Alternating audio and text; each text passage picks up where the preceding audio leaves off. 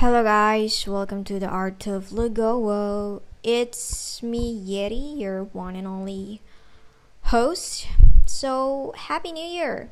It's gonna be the first episode in 2021. Uh, actually, I don't have a big expectation on this year. I'm just hoping that this year will be a better year than last year, as we all do. So, yeah, as you can see in our title, it's such a heavy, heavy topic. So prepare you guys. Uh, yeah, I'm just going to write, dive in into it. All right, the tension is there. As a woman and a firstborn child, I could see in our culture. Um, if your parents who's having daughter and not married yet at a mature age is gonna quote unquote a burden fa- a burden in a family.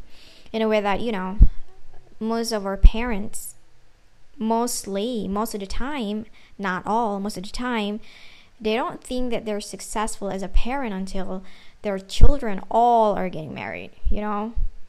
At least it's just how i see it in my environment.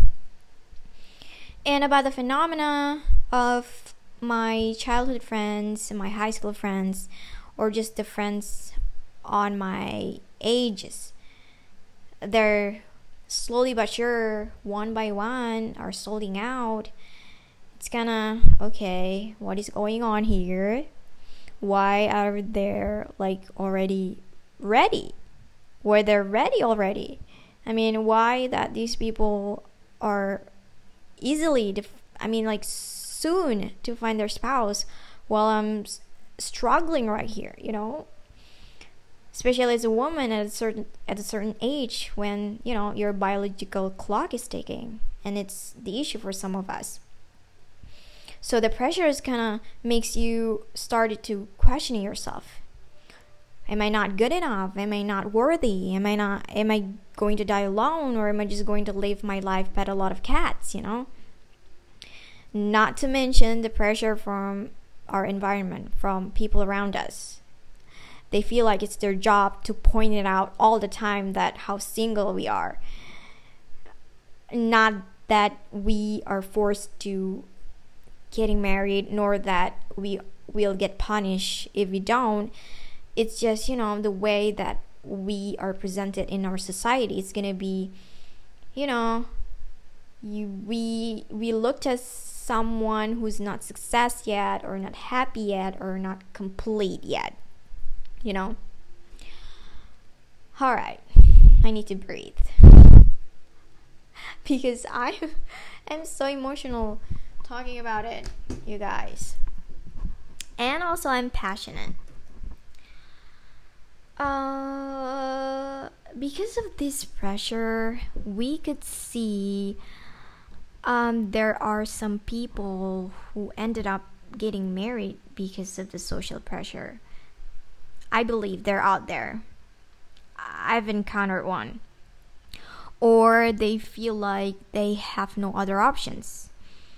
And yeah, there's nothing wrong with married young or nothing wrong with that decisions. Uh, and I mean, we don't know people's situation, but for me, I can imagine myself be that. I mean, making such a big decision out of the pressure. You know what I mean? Uh, but also, on the other part, I've seen people who's so focused about the stuff they're doing. You know, we're talking about their career they don't even have time to think about these things to the point they don't even realize that they're actually need to get married you know what i mean? Like they're gonna they're being like really? Oh my god. I think i need to get married. I think it's time you know? Yeah I, i've also uh, see those type of people. And what's funny also i i do have friend who's every time we talk about marriage she's just not into it she doesn't even want to get married like she, i don't know she just like it's boiled her every time people um kind of like against her opinion. She's like, "No, I don't want to get married. Like what's wrong with you? Not everybody wants to get married." Yeah, she'd be like that. And that's the thing, you guys. Not everybody actually think about it. Uh I I me also kind of shifting my mindset because I remember like three to four years ago, I was obsessed of getting married young. And thank God I didn't end up doing it. Not that I had someone back then, but I was even willing to doing some like proposal thing, you know, like you know what I mean? Like damn, I was intense. But obviously my parents against it and thank God I did.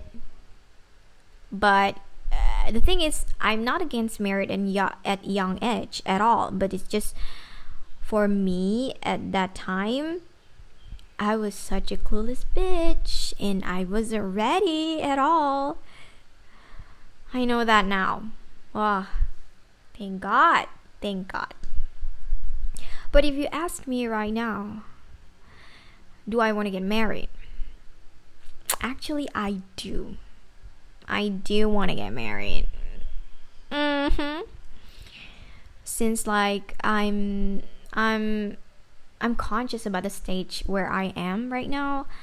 I mean, I know why I want to do it because I've I I am I see that there are just some needs that requires me to get married first. And mind you, it's it's beyond sexual purpose or like for the sake I want to be mother. I mean, that's a hella big responsible and uh, and such a noble aspiration. But to me, there is there are more.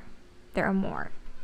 So, because yeah, I'm so conscious about why I want to do it, and I also have to be conscious about you know things I can offer, my capabilities, my limitations, and so that lead me to conscious about the things that I want in my partner, in my spouse. And that's require effort and time to find one, you know, since we're very conscious of it. And let me tell you guys, I'm scared that he's not out there. I met a lot of guys and I mean, well, not a lot. I met guys. I just met guys and uh, these type of guys are rare. Are rare but we have no options other than be optimistic about it. You know, I encounter myself and I encounter the things that I just mentioned is, you know, all for reasons. God wants me to find myself first so that I could prepare before getting married. That's just that. Because, I mean, married is like battle war anyway and what you need to go to the battle, you prepare.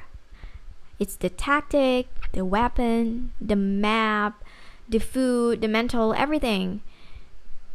But I'm also preparing myself for the worst, just in case maybe I'm just not getting married in this life. yeah. Yeah, that works. Um, but yeah, there's no such thing as a perfect guy. Yes, I know. I know that for sure. And I'm not asking for a perfect guy. People have flaws, people have limitations. It's just, I know my boundaries. I just need to make sure that he's not crossing some lines, you know? Um, let me let me give you some example uh, what lines? Uh, we need to make sure that he's not a psychopath, for example, or he doesn't have the tendency to perform like physical abuse. We don't want that. Nobody wants that. So, yeah, we need to do some research before getting married, right? That's that's what I'm talking about. The rest we could negotiate. I mean, it's married anyway. Picking a spouse is obviously more than just like, I don't know, picking a shoes. I mean, even there's steps when you picking shoes, right? Adoring the design and the color doesn't mean that it suits you or that you just love it so much you ended up buying it, you need to make sure that it's the right size for the right purpose. You don't buy heels to jog, my friends. You don't buy heels to playing soccer. I mean, imagine how painful that is, you know, playing soccer, playing soccer with heels. but you, yeah, you know what I mean. And what else? Oh, yeah. You know what's trending in our generation other than TikTok right now? Well, it's divorce, my friend. You can look for the statistic somewhere. Yeah. I was in this webinar talking about um, sex education, and uh, there, uh, the speaker also mentions the major reasons why people get divorced nowadays. And there are three that just like at the top. There are economy, yes, we all know, money running stuff, and then unresolved conflict and quarrel, and the last is cheating. To me, how do I see it? The biggest issue of it is because the lack of communication on pre-marriage stage. That's just how I believe it. We are we are not working enough for that compatibility part. We just looking for chemistry part. I mean chemistry is important obviously, but but compatibility is just beyond you guys. That's what it takes for for just healthy and long term forever and never never married. Wow. Wow.